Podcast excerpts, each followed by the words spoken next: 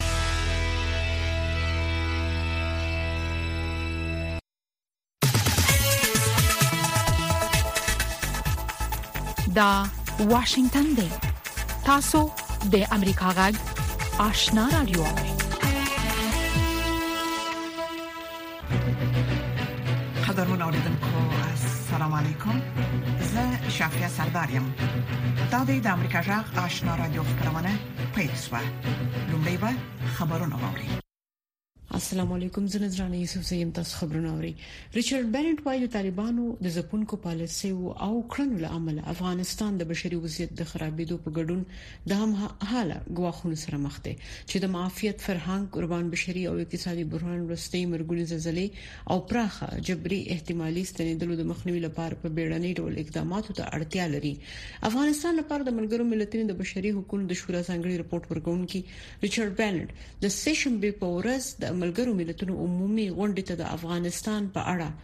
د خپل وروستي رپوټ د وړاندې کولو په مهال د نړیوالې ټولنې وغوښتل چې افغانانو سره د خپلو بشري مرستو ته دوام ورکړي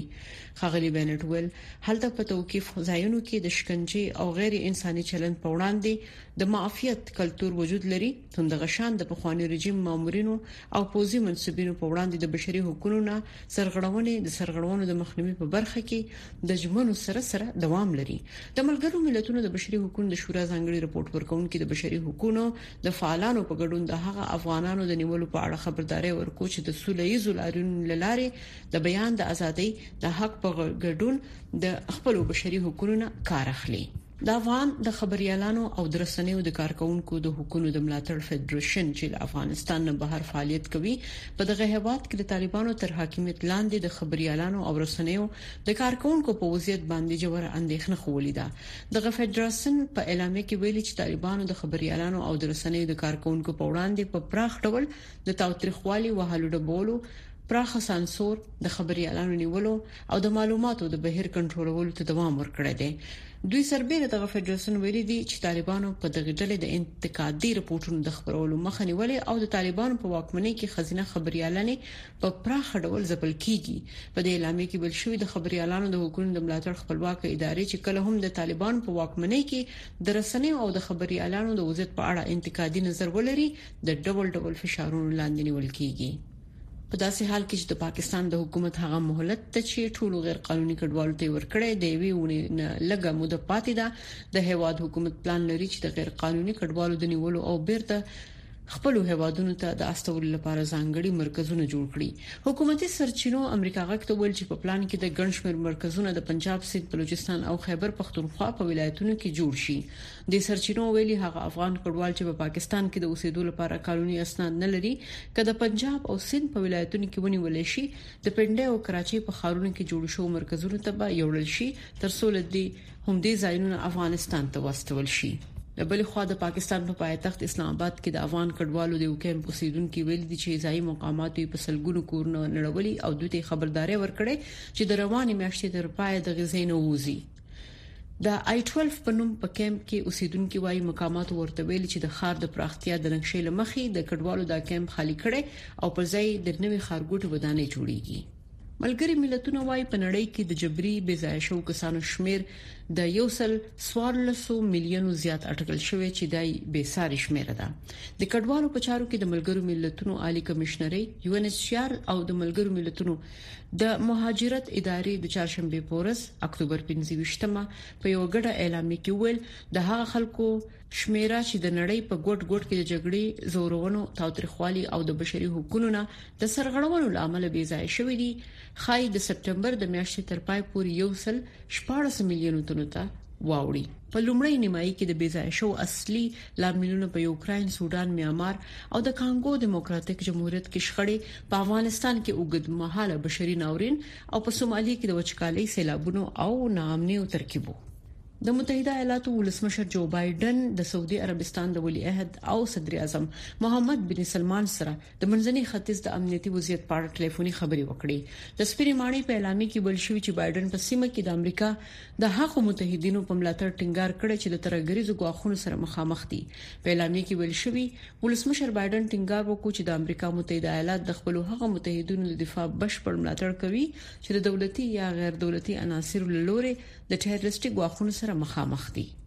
د متحده ایالاتو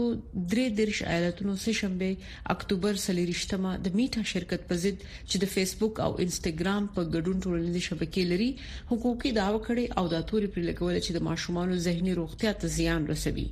دا حقوقي دعوه چې د سه شنبه په ورځ د کیلیفورنیا په ایالت کې ثبت شوې د میټا په شرکت تور لګوي چې د انستګرام او فیسبوک په ټولنیزو شبکو کې داسې خصوصیات نصب کړي چې ماشومان پرې معتاد کیږي او زهني روغتیا یې زیانمنېږي کتر منوریدونکو دا خبرونه چې تاسو واوریدل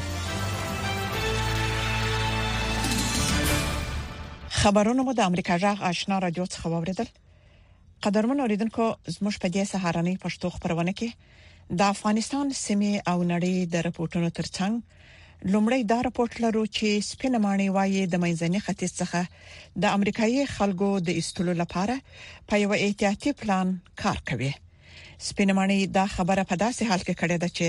د اسرایل او حماس ترمنځ د رواني جګړې د پای تر رسیدو هیڅ نشه نه پسترګو کیږي په ورته وخت کې جمهور رئیس جو بایدن پرون د همدې وضعیت په اړه د سعودي عربستان لوالي عهد محمد بن سلمان سره ټلیفوني خبرې کړې دي نور حال پر پورت کې ووري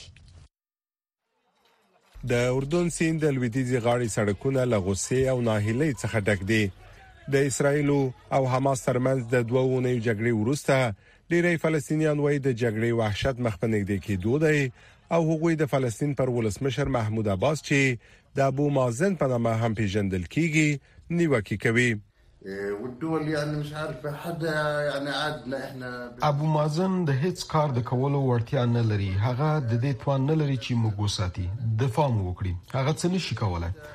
زموږ یوازنۍ هیله دا ده چې نور هیوادونه پر اسرایل فشار واچوي عثمان حسن د اردن سیند په لویدیځه غاړه کې د قصره په نامه د یو واړه فلسطیني کلی د ښاروال مرستيال دی په همدې سیمه کې میشتو يهودانو د اکتوبر په 11 نیټه پر دې کلی برید وکړ او د فلسطین د روغتیا وزارت د معلوماتو لمخې په پیښه کې څلور کسان ووژل شول د بیلابیلو راپورونو لمخې د اکتوبر په اوومه نېټه د اسراییلو پر سویلي برخې د حماس له برید وروسته اسراییلي ځواکونو او میشتو یهودانو د اردن سیند په لویدیځه غاړه کې کابو سل فلسطینیان وژلي دي په داسې حال کې چې تاوتریخوالي مخ په زیاتېدو دي په دې سیمه کې ډېری خلک په تیرو لسیزو کې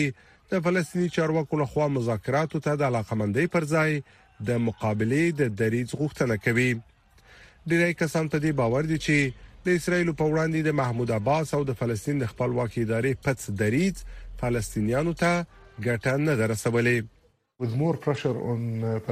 پر فلسطینیانو په ډیر فشار سره هر ډله چې غواړي د اسرایل سره مقابله وکړي ډیره مشهوره کیږي موږ د خپل ګوند د شهرت په اړه اندېښنه نه لرو خو زه په دې اندېښمن یم چې نړۍ د جګړې د پای ته رسیدو ارزښت ته نه ګوري تېره اونۍ په سلګونه کسان د رام الله سړکونو ته راووتل او د محمود عباس او د فلسطین د خپلواکې ادارې د چارواکو په وړاندې یې اعتراض وکړ، خو ځایي امنیتي ځواکونو له مظاهره کوونکو سره نښته وکړه. لومړی تر هر څه فکر کوم فلسطیني چارواکي او سیاستوال باید د یو بل څه په اړه فکر وکړي، ځکه د دېرشو کلونو مذاکراتو هېڅ رانه وړل. په داسې حال کې چې د اردن سیند په لویدیځه غاړه کې اختلافات زیاتېږي، خو یوازینی شی چې لیدل کېږي دلته فلسطینیان سره یو موټي کوي، هغه د دې حس دی چې ناوړه وضعیت راتلونکی دی. سمیع الله جلالزی، د امریکا غږ. انتظار پای ته ورسید. درنو لیدونکو او اوریدونکو تاسو کولی شئ د امریکا غږ ټلویزیونی او رادیوي خبرونه د یاشر ساتلایت له طریقو وګورئ او واورئ د نوي ساتلایت لارې تاسو د آشنا اتصال او کاروان ټلویزیونی خبرونه کتلای هم شئ د امریکا غږ د افغانستان څنګه خبرونه په 309 پټ چنل او د آشنا رادیوي خبرونه په 309 پټ چنل کې اوریدلای شئ لملتيامو د تل پشان مننه د امریکا جغ آشنا رادیو څخه تاسو زموږ د خبرونه اوري په تل ابیب کې د بشري حقوقو اسرایلی مخکشه فعال او د ګیشا موسسه اجرایوي مشره تانیا هيري وایي چې غزه ته پوره مرستې نه رسیږي او خراب وضعیت به په یو ناورین بدل شي هغه زیاته کړې ده چې که څه هم اسرائیل د خپل خلکو د دفاع حق لري خو جواب یې باید مناسب وي او د ملکي خلکو د خوندیتوب لپاره باید نړیوال قوانين مراعات کړي د امریکا جغ د تانیا هيري سره مرکه زموږ همکاري نظرانه یوسف زی کړه ده ډیره مننه تانیا ساسته وخت که اوسنۍ بحران هم دغه ډول دوام ومومي نو سبب خطر کې وي So in the Gaza Strip right now uh, همدا اوس چې موږ د غزې په تړانګه کې وینو د اسرایل د پوز لخوا پراخي بمباري کیږي چې تر اوسه یې نګدي پنځه زره کسان وژلي او له 14 زرو څخه ډېری ټپيان کړي دي د کورونو پراخه ویجاړتیا یې هم رامنځته کړې ده اټکل کیږي چې په غزا کې د ټولو استوګنځایونو شاوخوا 43% ویجاړ شوي یا زیانمن شوي دي د دې ویجاړۍ په سر کې موږ د هغه څه اغیزې هم وینو چې اسرائیل د غزې تړانګې محاصره بولي یو بشپړ بندیز دی حتی د اساسي توکو د ننوتلو اجازه هم نه ورکوي اسرائیل غزې ته اوبه او برېښنا بند کړې ده په تیرو څو ورځو کې موږ د مصر د پولې لارې د بار وړونکو لاریو لړۍ ولیدل خو دا واقعا د ټول نفوس لپاره کافي نه دی نو زه فکر کوم چې موږ د یو ناورین سره مخ یو او دا وضعیت به نور هم خراب شي ستاسو موسسه د دې لپاره څه کوي زموږ سازمان د اسرایل د بشري حقوقو سازمان دی او زموږ په ورځني کار کې موږ هڅه کوو چې د خپل حکومت د اسرائیلو حکومت لخوا د حرکت د ازادۍ پر محدودیتونو باندې رڼا واچوو او دا محدودیتونه څنګه په ملکي وګړو اغیزه کوي په اوسنی وخت کې موږ د دې سختو محدودیتونو اغیزو ته ګورو موږ د دې محدودیتونو د ننګولو لپاره د یو شمېر نورو مدني ټولنو او سازمانونو سره یو ځای شویو او موږ هڅه کوو چې د حماس لخوا د سختو بریدونو سره سره د اسرایل د حکومت د پریکړو د اغیزو په اړه په ملکی خلکو باندې ډیر پوهاوی ترلاسه کړو اسرائیل البته حق او مکلفیت لري چې د خپل اتباعو دفاع وکړي خو دا د نړیوالو بشر دوستانه قوانینو مراعاتولو مکلفیت هم لري چې د ملکی وګړو د اساسي خوندیتوب غوښتنه وکړي ستاسو او نورو اسراییلي فعالینو لپاره چې د حماس د دې بریدونو نه مخکې هم د غزې د بندیز سره مخالفت کوو، اوس څنګه شیان بدل شوي دي؟ زه به دروغ نه وایم، په دې وخت کې دا اسانه خبره نه ده چې یوه اسراییلي وي، زما مطلب دا دی، ټول هیواد په رښتیا د اکتوبر د اوومې د پیښې له امله ډیر غم او صدمه لري. زموږ ټولنه او سازمان دا چې د غزې په تړانګه کې څه پیښیږي لنګدی څخه څاري او دلته په اسرایل کې هم هغه سخت کړهونه تجربه کوو چې خلک ورسره مخ دي او په یو وخت کې دوه اړ خواو ته کتنه اسانه نه ده د دوړو اړخونو کړهونه رښتیا دي او د دوړو خواو د درد په یو وخت کې احساسول واقعا د هر چا د ښه راتلونکي لپاره یوازینۍ لار ده اسرائیل چې په غزه باندې دا اوس کم بریدونه کوي آیا حکومت د اسرائیل ترمنځ کافي ملاتړ لري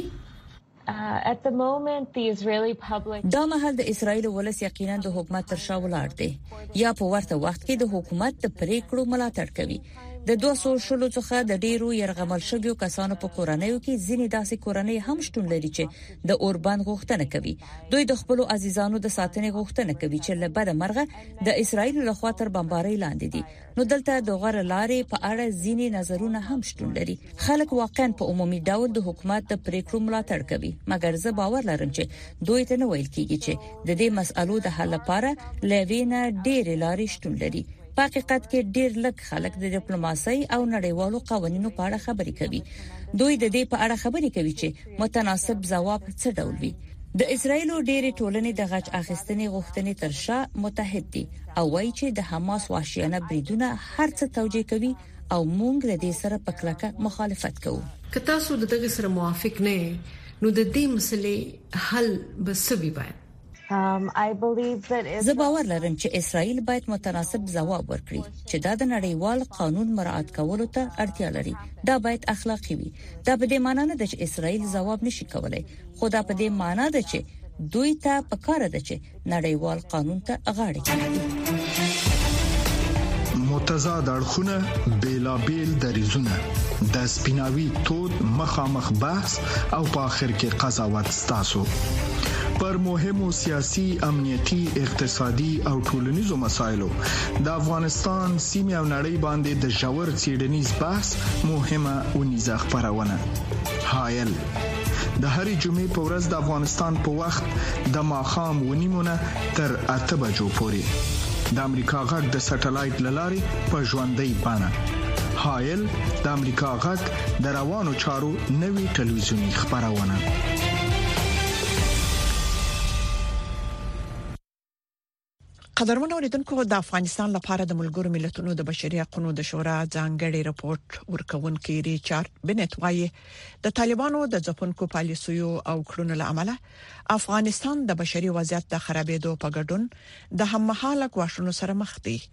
په دې ګواښونو کې د جرمونو سره د معافیت فرهنګ، روان بشري او اقتصادي بحرانونه، وروستۍ مرګونې زلزلې او د پراخې کچې جبري احتمالي ستنېدل شامل دي، چې د مخنیوي لپاره یې په بیړني ډول اقداماتو ته اړتیا ده. په ورته وخت کې د بشري حقونو د څار سازمان د ښځو د چارو مشره هیدر بار وايي، افغانستان څه نا څه د نړیوالې ټولنې لخوا هېر شوی دی. نور تفصيل په رپورت کې واورئ.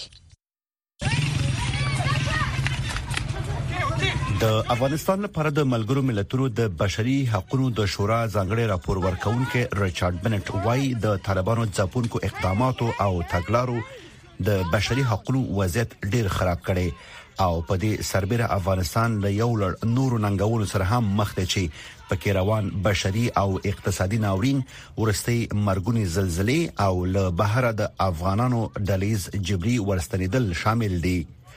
خغلی بنټ د سه شنبه په ورځ په نیویارک کې د ملګرو ملتونو عمومي اسمبلی ته د افغانستان په اړه خپل ورسته راپور وړاندې کړ خغلی بنټ ټینګار وکړ چې په افغانستان او سیمه کې د لازیاتو کړهونو او احتمالي بې ثباتۍ د مخنیوي لپاره بیړني اقدام ته اړتیا ده. زه له تاسو غواړم چې افغانستان د نړیوال اجندا په سر کې وساتئ.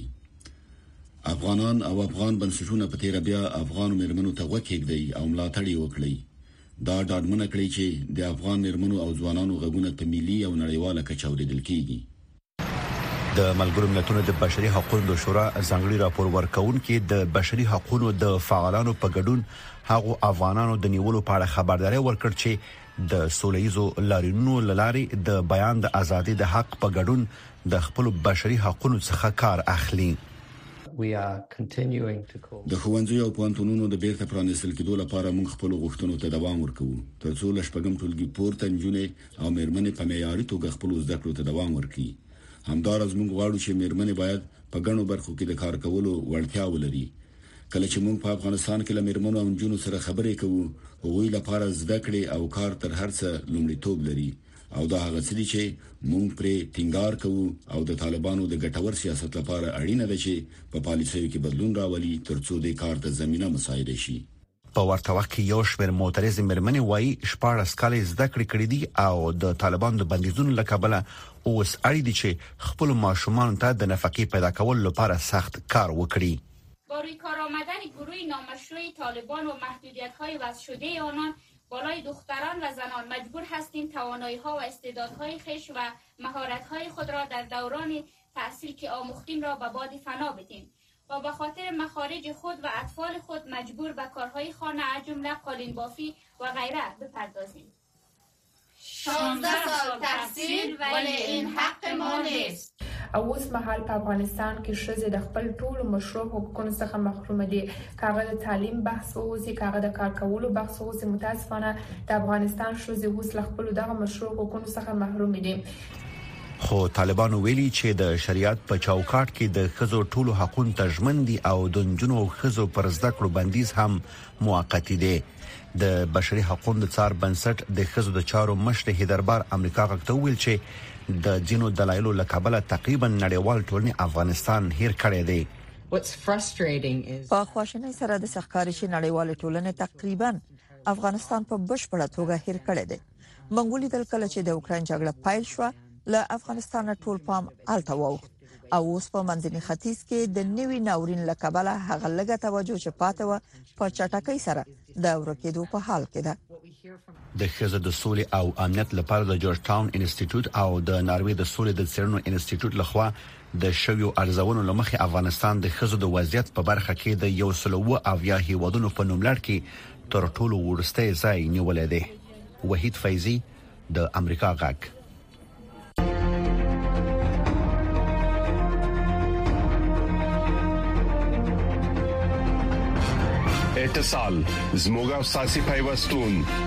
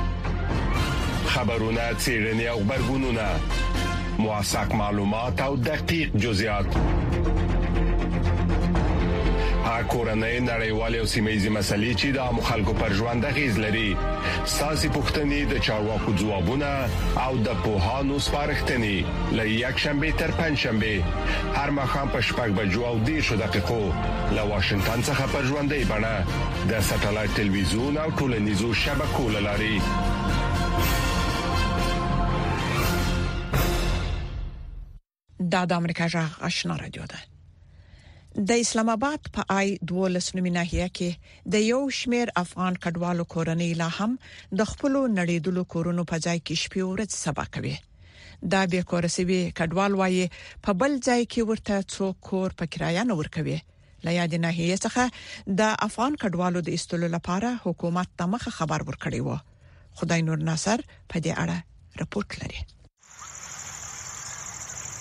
د غزلمای شپه او ورځ دلته د خپل نړیدلې کور له سامان سره تیروي مشران یې په شاوخوا سیمو کې د کرایې کور په لټون کې دي دغه کډوال وایي دلته یې خټین کورونه چارواکو ورړنګ کړل او نور کورونه اوس څوک په کرايه نه ورکوي. او دا کټ دا کور د ما او دا رمغونو وران کړو ټی مې ولاک را تر خودلې هغه دغه بارونو نه او دغه یخ او دغه ماشومان غوند خدای دغه ډاک ته پراته وو ودرې زینم دا د ونی ول پیسې بیرته واپس راګړي بینم ورکړي او تاسو دا کاغوانیا سي کا تاسو اجازه نشته ده ما ورته مو سره کارټون مسونه نه لکه کارت دا دسته موجود نه معنی وای مو ته حکومت خوانه اعلان سو ده دغه نن دولسمه دولسمه ورځ به یولسمه خدای دغه یخ د ماشومان هم پراته دي دا لرګي دا مال دا وزې غون دغه چې دي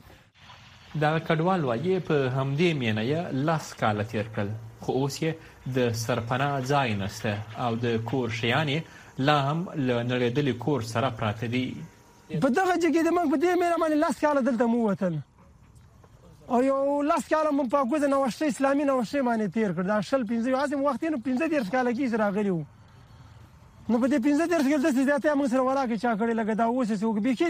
یو چا نه کړاله به کې یو دغه امرانه کدا نوټس امرانه کو یا په پنځه ورځې یا یو جمعه هفته بعد بس یو دم رااله دغه غوند مخ رڼ کړو ولا سي دغه سب دا بارانونه دغه یخ دغه وړم دغه د بډاګ باندې تیر کړو اوس مجبور دا ګور دا لرګي مرګي مونږ وتړل یو چیرته چرته به زور کوم سينو بلې خواته په اسلام آباد کې ځایي چارواکي وایي دلته میشتو کډوالو ته یې دوې درې میاشتې وړاندې لا ویلي وو چې دغه سیمه دې خالي کړي ځکه چې د دې چارواکو په خبره دلته د استوګنې لپاره نوې ودانۍ یا سکټور جوړیږي خدای نور ناصر امریکا غږ اسلام آباد. د بدلون پر مهال کله چې د نړۍ وضعیت څرګند نه وي او کله چې اوریدل ل عیني واقعیتونو سره سمون نه خوري موږ په حقیقت پسې ګرځو کله چې موږ ته د یو موضوع یوازې یو اړخ بیانېږي نو باور بایلو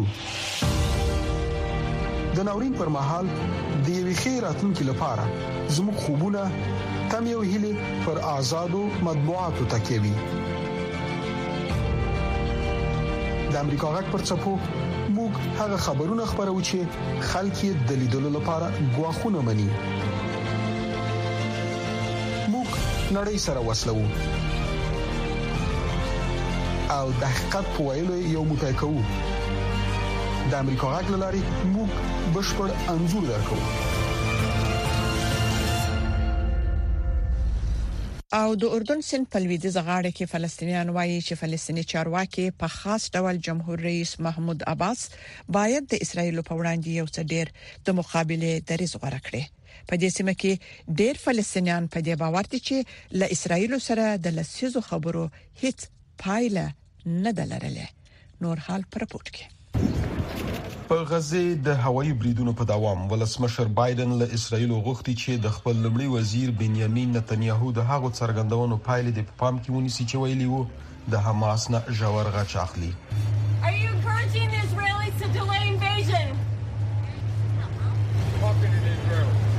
ولسمشر بایدن د یو خبريال د پښتنې ته چایا د اسرایل د عملیاتو ځنډولو ته هڅوي وویل چې د اسراییلو سره خبرې کوي ولسمشر بایډن هڅه کوي چې غزې ته د اړتیا وړ مرستې ورسیږي سلګونه هغه فلسطینی امریکایان راوباسي چې په غزه کې ایثار دي او د برمته کسانو د خوشی کېدو لپاره مذاکرات وشي اسراییلي چارواکي وايي چې دوه سوه کسان د حماس له خوا برمته شوي چې له دې ډلې نه څلور کسان چې پکې دوه امریکایان دي خوشې شوي دي. حماس د کوم لامل پرته دا بریدونه نه دي کړي. د فلسطین خلک په تیرو شپږ پنځوس کلونو کې تر سخت یرغل لاندې دي. د امنیت په شورا کې د ګوتیرش دغو څرګندونو په ملګرو ملتونو کې د اسراییل د سفیر غوسه راپارولې ده. د يو ان. ملګري ملتونه په ماتېدو دي او تاسې ښاغلی عمومي منشي ټول اخلاق او بې طرفۍ بايللي دي. د امریکا د بهرنیو چارو وزیر هم د سه شنبې په ورځ د ملګرو ملتونو امنیت شورا ته وینا وکړه او ایران ته یې خبرداری ورکړ چې جګړه دې نه پراخوي ځکه چې اسراییل د ایران د ملاتړ نه د برخمنو ډلو لخوا د بریدونو سره مخامخ دی. په دې کې یوه د حزب الله ډله ده چې د اسراییلو د ځمکنیو عملیاتو په صورت کې به خپل بریدونه زیات کړي بلینکن د اسرایل د پوځي اقداماتو نه کلکه دفاع وکړه خو ټینګار یې وکړ چې اسرایل باید ملکیانو ته د زیان رسولو نه ډډه وکړي دا په دې معنی ده چې خواړه، اوبه، درمل او نور اړینې بشري مرستې باید غزې ته ورسیږي هغو خلکو ته چې ورته اړتیا لري. سپینې ماڼۍ څرګنده کړې چې د بشري مرستو د رسولو بهیر د اوربند معنا نه لري. د امریکا د ملي امنیت شورا ویاند جان کربي وايي چې دا کار به اوس یوازې د حماس په ګټه وي. دا جګړه ده، دا محاربه ده، دا خونړۍ او بدرنګه ده. دا به یوه ګډوډي وي او په دوام سره به یې بې ګناه ملکیان زیانمن شي. د حماس تر کنټرول لاندې د عامه روغتیا وزارت چارواکي وایي چې د اکتوبر له ومه نیټه وروسته د اسرایل په هوایي بریدونو کې 15000 کسان وژل شوي او څه باندې 1 میلیون کسان له خپل مینو بې ځای شوي دي احمد شکیب د امریکا غږ واشنگټن درنو اوریدونکو دا د اوس په یو سرمقاله ووري چې د امریکا د حکومت نظر څرګندوي. په ملګرو ملتونو کې د امریکا سفیرې لیندا تاماس ګرینفیلډ د امنیت شورا د تازه وخت په غونډه کې ویلي، د اسرایل په خلاف د حماس د تازه وخت حمله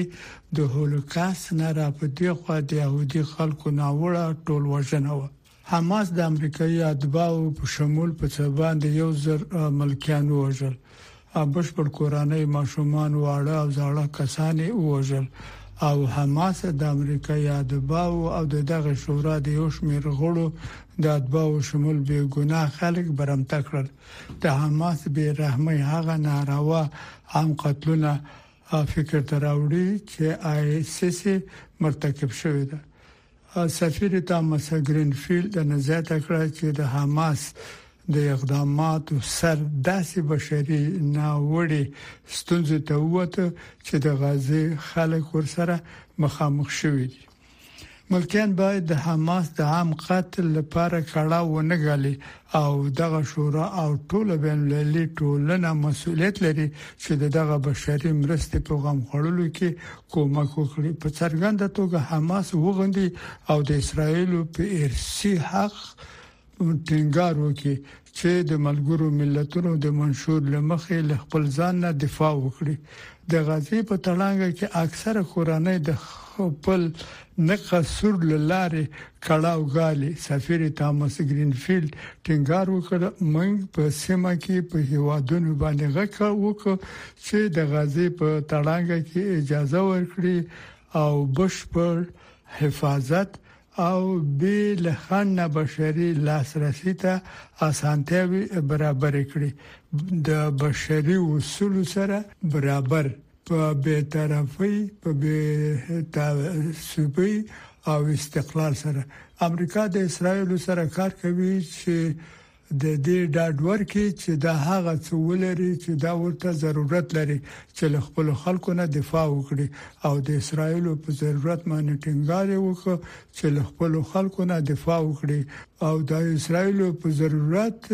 باندې ټینګار وکړ چې د بین المللي بشري قانون سره برابر د ملکیانو ژوند وژغوري سفیر تامس ګرینفیلد څرګند کړ د ملکیانو ژغورل او د هغو خلکو ژغورل چې کوشش کوي محفوظ ځای ته ورسیږي د هر یو د خپل کس لپاره باید مرکزي تمرکز وي.